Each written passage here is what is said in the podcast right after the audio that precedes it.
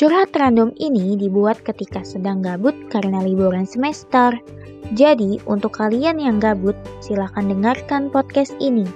Salam dari kami, kaum gabut.